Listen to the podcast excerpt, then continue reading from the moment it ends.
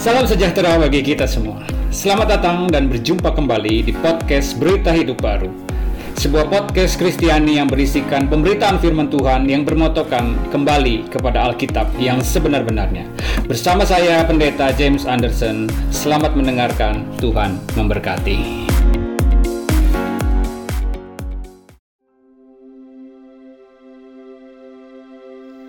Shalom sahabat berita hidup baru yang dikasih Tuhan. Pada kesempatan kali ini saya akan menyampaikan firman Tuhan dengan judul Kemenangan Umat Tuhan Melawan Iblis. Terambil dari kitab Keluaran pasalnya yang ke-17 ayatnya yang ke-8 sampai dengan ayatnya ke-16. Kitab Keluaran pasal 17 ayat 8 sampai dengan 16 demikian firman Tuhan kemenangan orang Israel melawan orang Amalek. Lalu datanglah orang Amalek dan berperang melawan orang Israel di Rafidim.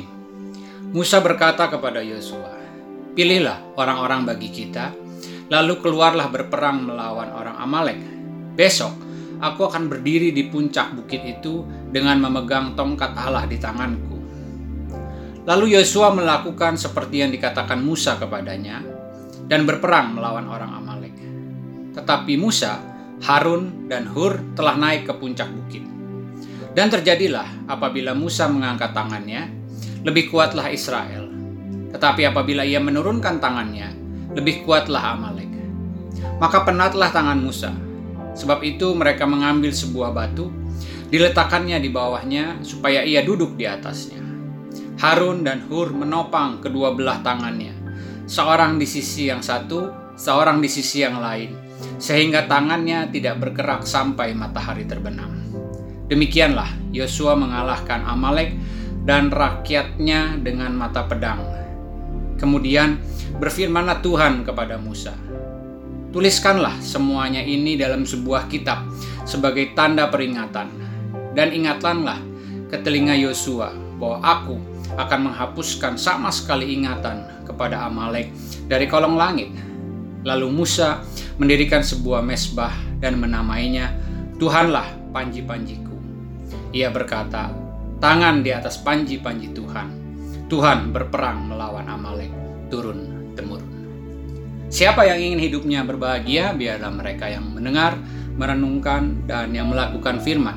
Sebab saya percaya bagi mereka lah janji Tuhan akan digenapi. Amin. Bapak ibu saudara yang dikasihi Tuhan, di dalam ayat yang ke-8, kita melihat dikatakan bahwa lalu datanglah orang Amalek dan berperang melawan orang Israel di Rafidim.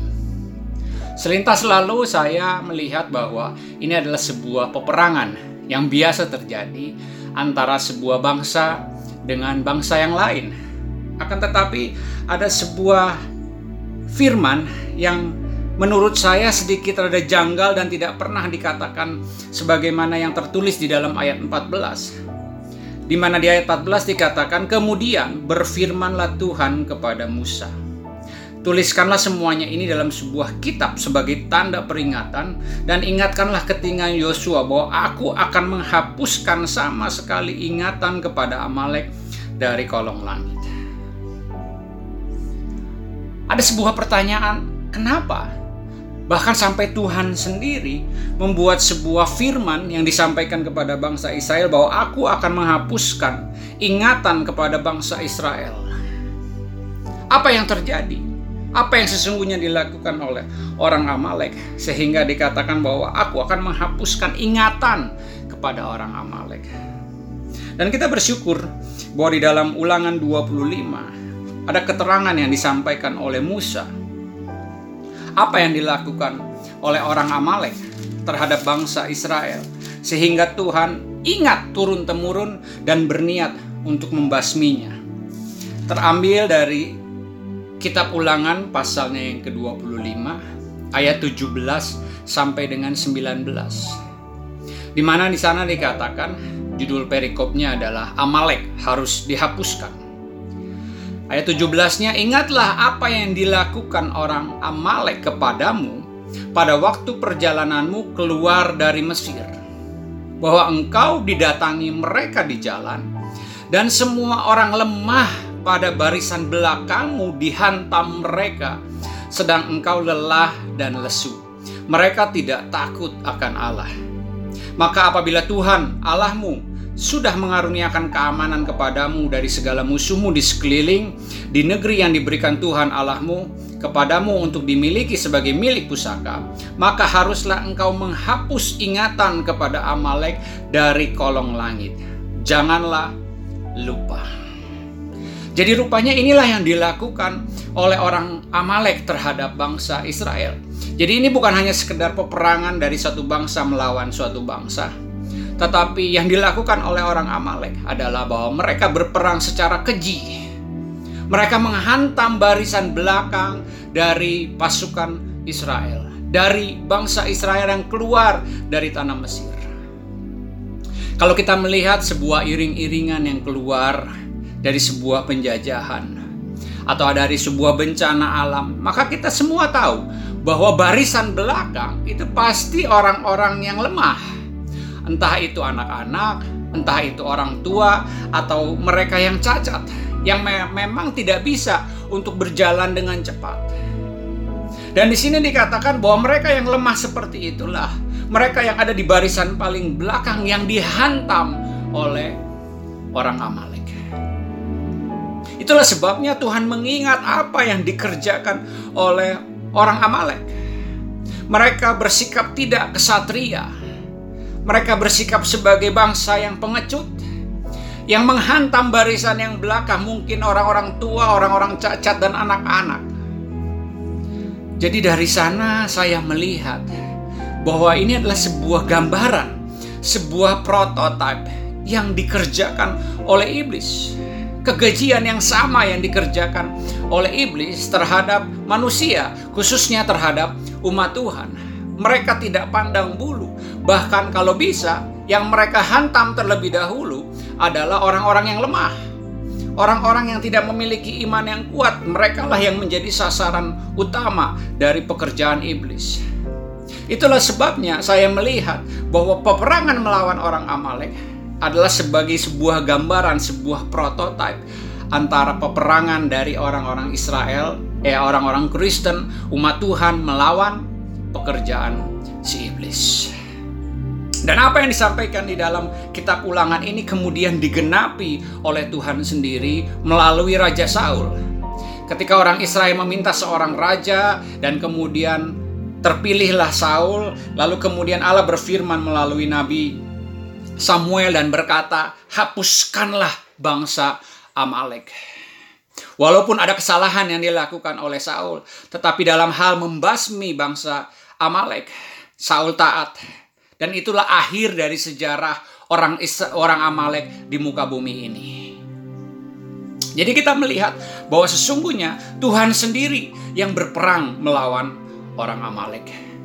Demikian juga saya melihat bahwa keseluruhan peperangan antara orang Israel melawan orang Amalek adalah gambaran dari peperangan antara umat Tuhan melawan iblis. Dan pada akhirnya kita bisa melihat bahwa umat Tuhan mengalami sebuah kemenangan Bahkan peperangan di Rafidim pun dimenangkan oleh orang Israel. Tetapi ada hal-hal ajaib atau aneh yang terjadi di dalam peperangan ini. Oleh sebab itu saya mengajar atau mengajak kita semua untuk mempelajari apa yang dilakukan oleh bangsa Israel di dalam peperangan tersebut sehingga mereka mengalami kemenangan. Karena hal-hal ini juga yang menjadi landasan atau dasar kita untuk kita boleh menang melawan pekerjaan iblis, melawan umat Tuhan. Umat Tuhan yang saya maksud di sini bisa saja umat Tuhan dalam sebuah bangsa, umat Tuhan dalam sebuah kota, umat Tuhan dalam sebuah komunitas, bahkan umat Tuhan dalam sebuah keluarga. Jadi, mari kita praktekkan apa yang diajarkan di dalam Keluaran pasal 17 ini di dalam peperangan kita melawan iblis. Prinsip pertama untuk kita bisa menang melawan iblis adalah bahwa kita harus melakukan pilihan yang benar. Di ayat yang ke-9 Musa berkata kepada Yosua, "Pilihlah orang-orang bagi kita, lalu keluarlah berperang melawan orang Amalek." Jadi tidak semua orang dipilih untuk berperang, tentu saja di dalam peperangan secara lahiriah, secara fisik, bangsa melawan bangsa. Orang-orang yang dipilih untuk berperang adalah orang-orang yang gagah perkasa. Tidak mungkin anak-anak dipilih untuk berperang. Tidak mungkin orang-orang tua atau orang-orang cacat dipilih untuk berperang. Tidak mungkin wanita dipilih untuk berperang kecuali wanita yang gagah perkasa. Di dalam peperangan kita melawan iblis, kita juga harus melakukan hal yang sama. Kita harus melihat dan memilih orang-orang yang memiliki kerohanian dan iman yang kuat, yang sanggup untuk berperang. Jangan semua orang kita panggil untuk berperang melawan iblis. Betul bahwa Alkitab mengatakan bahwa kita sudah menerima kuasa. Tetapi sering kali orang yang menerima kuasa tidak sadar akan kuasa di dalam dirinya. Mungkin karena satu dan lain hal, mereka menjadi lemah imannya dan mereka tidak sanggup melakukan peperangan rohani. Dan bagi kita sekarang pada hari ini kita tahu bahwa kita harus memilih orang-orang yang memang sanggup untuk berperang, khususnya berperang melawan kuasa-kuasa kegelapan yang menyerang suatu bangsa, yang menyerang suatu kota, yang menyerang suatu komunitas dan menyerang suatu keluarga. Ada orang-orang pilihan dan ada juga orang-orang yang harus dilindungi oleh orang-orang pilihan. Jadi inilah tugas daripada umat Tuhan. Ada orang-orang yang dipanggil untuk secara khusus berperang, berada di barisan paling depan, bertempur melawan iblis. Dan di saat, yang sama mereka juga harus melindungi orang-orang yang lemah dari sebuah komunitas. Kita tidak bisa bersikap tidak peduli terhadap mereka yang lemah. Justru kita yang harus melatih mereka supaya pada akhirnya mereka juga menjadi orang-orang yang kuat untuk turut berperang bersama-sama dengan kita. Jadi inilah prinsip yang pertama di dalam kita berperang melawan iblis, pilihan yang benar. Prinsip yang kedua, supaya kita bisa menang melawan iblis adalah kita harus memiliki perbuatan yang benar. Di ayat yang ke-10 dikatakan lalu Yosua melakukan seperti yang dikatakan Musa kepadanya dan berperang melawan orang Amalek. Jadi apa yang diperintahkan Musa kepada Yosua dianggap sebagai sebuah perintah yang diberikan oleh Tuhan kepada Yosua untuk memimpin bangsa Israel berperang secara fisik melawan orang-orang Amalek. Demikian juga secara prinsip saya melihat bahwa ketaatan kita terhadap perintah Tuhan adalah sebuah prinsip yang sangat penting untuk kita melawan perbuatan-perbuatan iblis atau bahkan iblis ini itu sendiri. Kenapa saya katakan demikian? Bukan berarti bahwa orang taat pasti bisa menang melawan iblis, bukan seperti itu. Tetapi sering kali apabila kita tidak taat, yang dikerjakan oleh iblis dalam kehidupan umat Tuhan adalah mereka menuduh kita. Berapa banyak orang Kristen yang kemudian merasa dirinya tidak layak karena mungkin dalam satu kesempatan mereka jatuh di dalam dosa dan kemudian seumur hidup iblis menuduh mereka sebagai orang-orang yang tidak layak. Apalagi untuk berperang melawan mereka, melawan iblis maksudnya. Jadi penting bagi kita untuk melakukan apa yang benar, sebuah ketaatan di hadapan Tuhan. Bukan supaya kita diberkati, supaya Tuhan lebih sayang kepada kita. Tidak, tetapi supaya iman kita bertumbuh. Dan ketika iman kita bertumbuh, iman yang kuat seperti itulah yang sanggup untuk mengalahkan perbuatan-perbuatan si iblis. Bahkan sanggup untuk berhadapan langsung dengan iblis itu sendiri. Jadi Bapak Ibu Saudara, yang namanya ketaatan itu bukan hanya sekedar supaya kita masuk surga, sebab juga ada di dalam Alkitab dikatakan kuduslah kamu.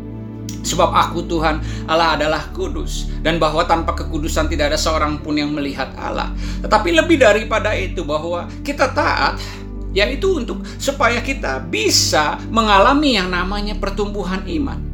Dan ketika kita taat, iman kita bertumbuh, kita sanggup berperang melawan iblis.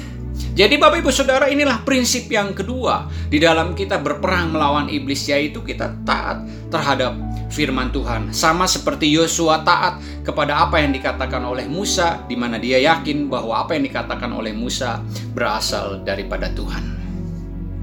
Yang ketiga Bapak Ibu Saudara, prinsip yang ketiga supaya kita bisa menang di dalam peperangan melawan iblis adalah pengharapan yang benar. Di ayat yang ke-11 dikatakan dan terjadilah apabila Musa mengangkat tangannya, lebih kuatlah Israel. Tetapi apabila ia menurunkan tangannya, lebih kuatlah Amalek. Mari kita renungkan sejenak. Mari kita pikirkan apa yang terjadi. Tidak ada dalam sejarah peperangan ditentukan oleh pemimpin mengangkat tongkat. Di dalam sejarah peperangan mana pun saudara tidak akan pernah menemukan bahwa kemenangan ditentukan oleh pemimpinnya mengangkat tongkat. Dari sini saya melihat bahwa sesungguhnya yang berperang bagi bangsa Israel bukanlah Yosua, walaupun memang betul Yosua dan tentara pilihannya yang berperang secara lahiriah. Tetapi ada sosok lain yang berperang di balik kemenangan Yosua, yaitu ada Tuhan, ada Yehova yang berperang bagi mereka.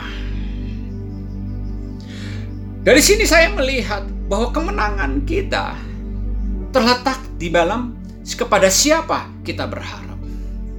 Bisa saja bangsa Israel yang lemah, yang berharap-harap cemas bahwa Yosua akan menang, memiliki sebuah pengharapan bahwa karena bangsa Israel tentaranya hebat-hebat, bahwa mereka akan menang. Tetapi itu sebuah pengharapan yang salah. Karena pengharapan terhadap manusia itu mengecewakan. Sehebat-hebatnya suatu pasukan, mereka bisa saja dikalahkan. Dan sejarah peperangan mencatat betapa besarnya pasukan Persia yang pada saat itu berperang melawan orang-orang Yunani. Satu juta pasukan melawan tujuh puluh ribu. Tetapi apa yang dilakukan oleh Alexander the Great di dalam mengalahkan orang-orang Persia adalah dengan strateginya yang luar biasa.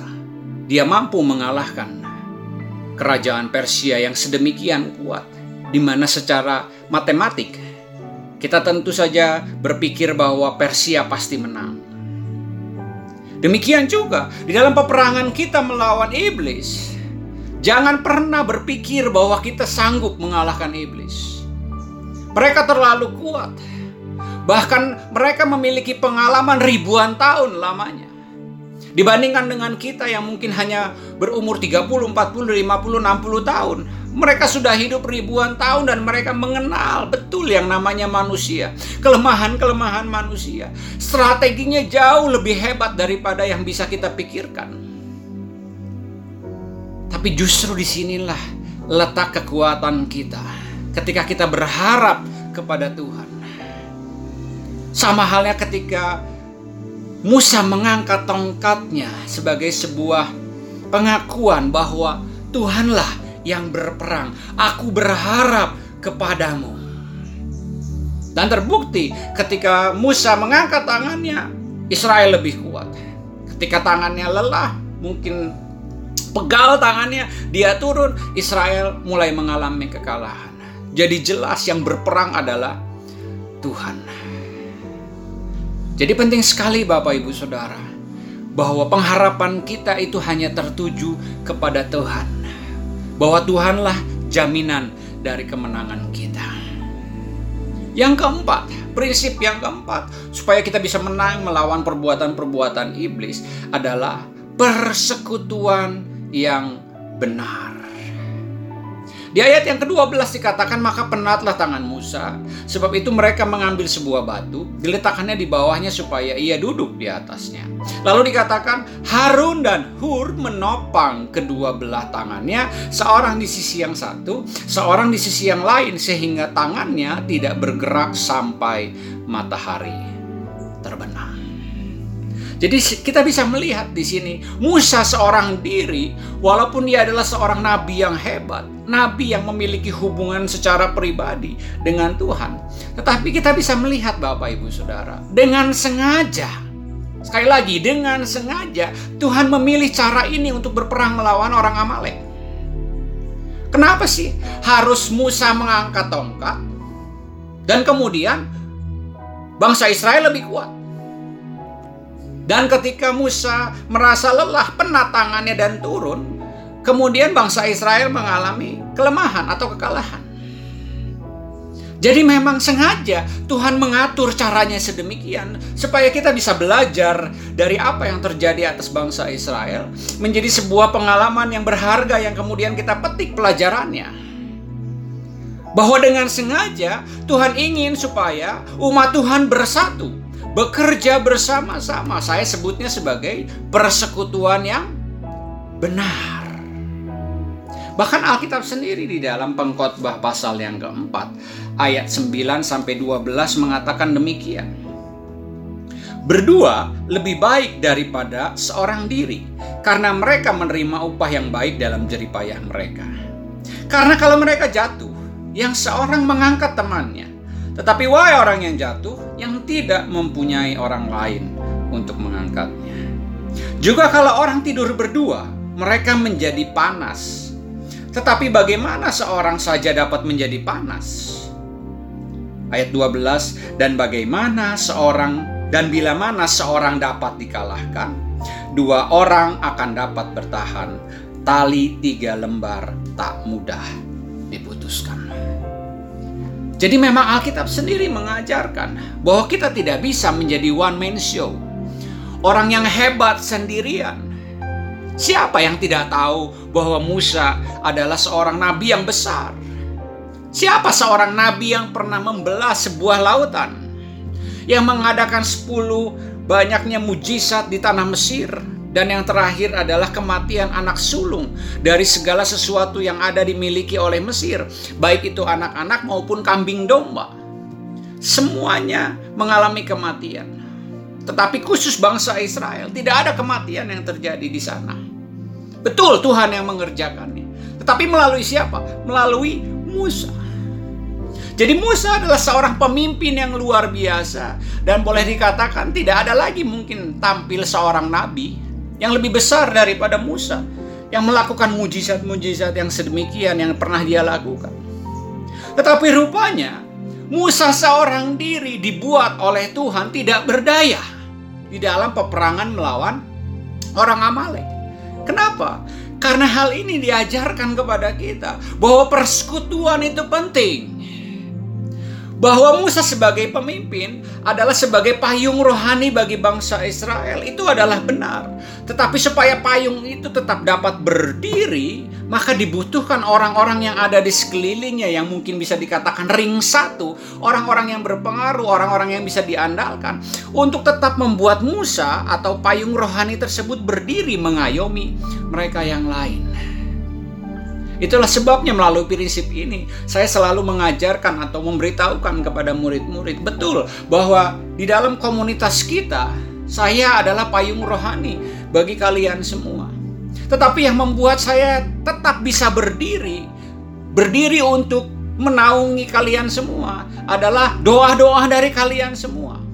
Bahwa kalian semua yang senantiasa berdoa supaya saya kuat jadi Bapak Ibu Saudara, dari sini kita melihat betapa pentingnya yang namanya memiliki sebuah persekutuan dan tidak hanya sebuah persekutuan, tetapi sebuah persekutuan yang benar. Yesus sendiri berkata, apabila dua atau tiga orang berkumpul di dalam namaku, aku hadir. Berapa sering kita mengutip ayat ini? Bahkan ayat ini sering kali kita ucapkan ketika kita berdoa ketika kita berkumpul bersama saudara seiman. Tetapi pernahkah kita merenungkannya sampai sedalam apa kebenaran firman ini dalam kehidupan orang-orang percaya? Bahwa ketika dua atau tiga orang berkumpul, Tuhan hadir dan ayat selanjutnya berkata, apabila dua dua orang sepakat meminta apa pun, aku akan memberikannya. Jadi rupanya ada sebuah kekuatan yang maha besar di dalam persekutuan yang benar persekutuan di dalam namanya, persekutuan di dalam nama Tuhan Yesus. Dan namanya persekutuan yang benar pasti ada hal yang namanya saling. Sama seperti yang dilakukan oleh Harun dan Hur. Mereka menopang pekerjaan Musa. Mereka peduli karena kekalahan bangsa Israel adalah kekalahan mereka juga. Demikian seharusnya pola pikir kita adalah kekalahan umat Tuhan yang lain adalah kekalahan kita juga karena umat Tuhan adalah satu. Jadi kalau kita semua memiliki pola pikir yang sedemikian, maka kita menyadari bahwa kita tidak bisa berjauhan dari sebuah komunitas. Karena saya melihat ada kecenderungan dari orang-orang tertentu yang ingin hidupnya sendiri, bertumbuh dengan Tuhan sendirian saja. Tetapi Alkitab tidak bisa mengajarkan orang bertumbuh sendirian saja bersama-sama dengan Tuhan. Betul, ada kalanya bahwa ini hanya urusan kita dengan Tuhan. Secara pribadi, tidak ada orang lain yang bisa ikut campur, tidak ada orang lain yang bisa terlibat karena memang Tuhan ingin mengajar kita tentang sesuatu. Namun di dalam sebuah yang namanya umat Tuhan, persekutuan umat Tuhan melawan iblis, kita juga tidak bisa berperang sendirian. Karena memang Alkitab sendiri mengajarkan bahwa kita harus bertempur bersama-sama. Bahkan Alkitab di tempat yang lain bahwa manusia menajamkan manusia. Sama seperti pisau ditajamkan oleh besi yang lain. Bapak Ibu Saudara, jadi marilah kita mengubah pola pikir kita bahwa kita bertumbuh bukan hanya karena kita bersaat teduh, karena kita mengalami atau perjalanan bersama dengan Tuhan, tetapi lebih daripada itu kita membutuhkan orang-orang yang lain. Bahkan di dalam sebuah persekutuan, katakan saja komunitas sel atau yang kita sering sebut dengan komsel, kita membutuhkan mereka. Bahkan sering kali orang-orang yang menyebalkan yang membuat kita bertumbuh. Dan persekutuan seperti itulah yang melatih kita untuk memiliki kepedulian, untuk memiliki yang namanya kasih. Dan ketika kita bertumbuh secara rohani, sadar atau tidak sadar, maka kemampuan kita, iman kita semakin bertumbuh dan semakin kuat. Dan dengan iman seperti itulah kita bisa mengalahkan pekerjaan-pekerjaan iblis, bahkan mengalahkan iblis itu sendiri.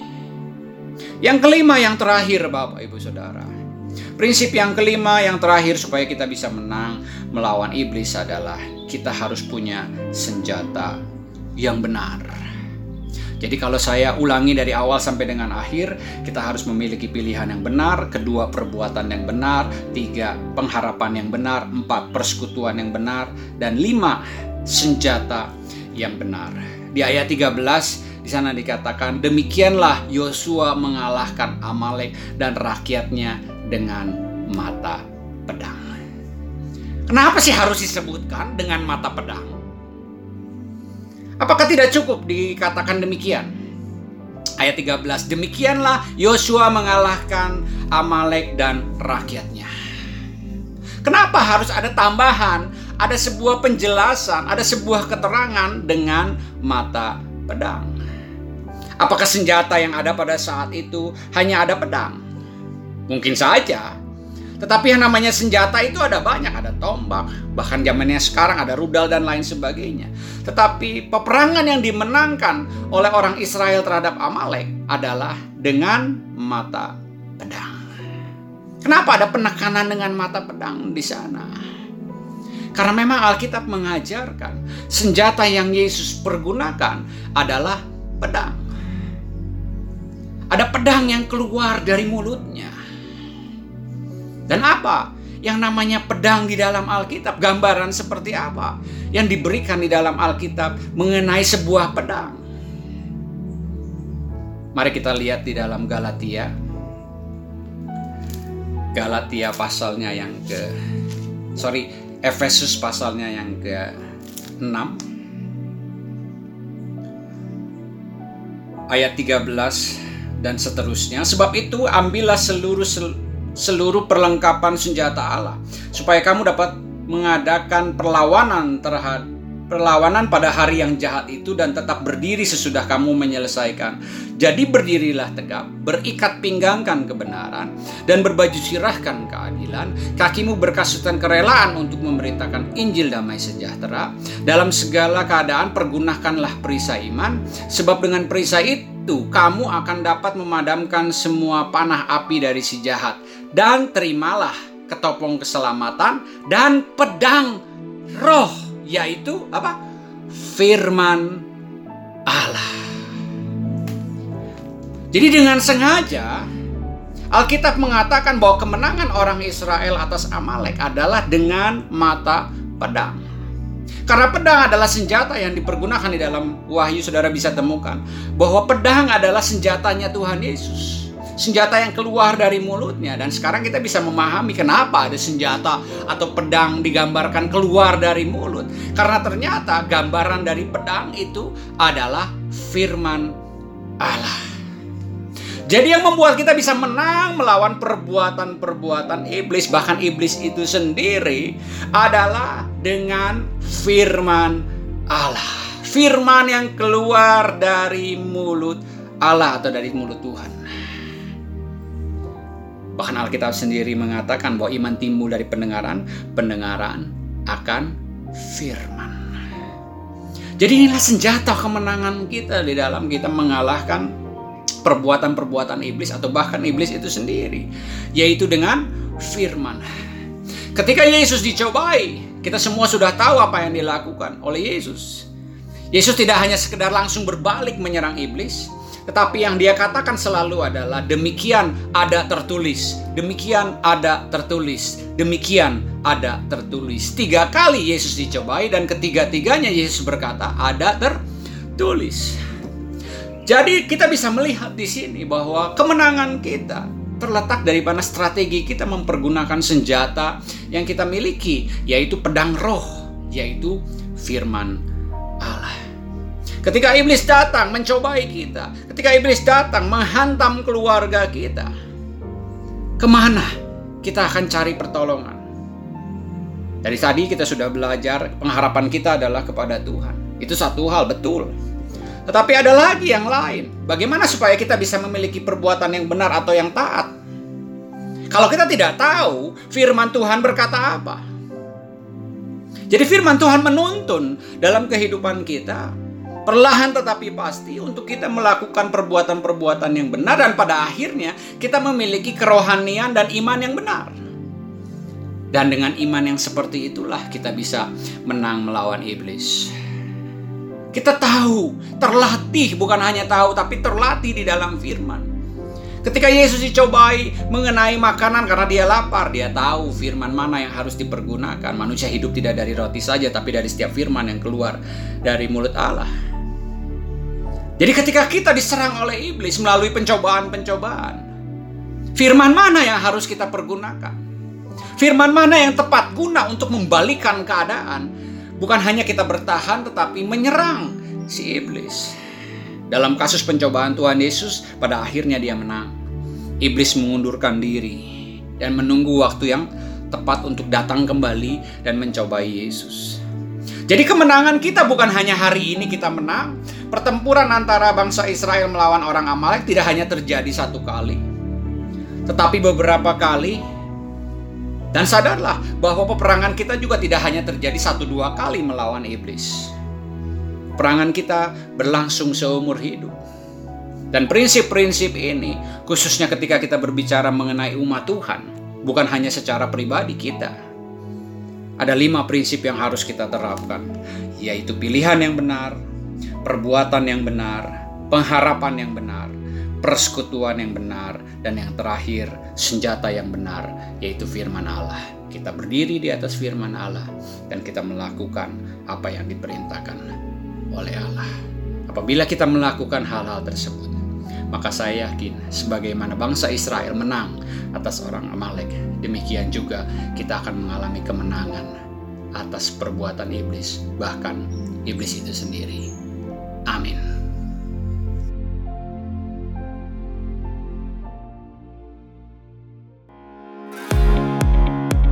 Terima kasih sudah mendengarkan podcast Berita Hidup Baru. Kami juga menyediakan pemberitaan firman Tuhan dalam bentuk tulisan yang dapat saudara temukan di situs kami, beritahidupbaru.blogspot.com, tanpa menggunakan spasi. Semoga apa yang saudara dengar atau saudara baca dapat menjadi berkat dalam hidup saudara. Amin. Tuhan memberkati.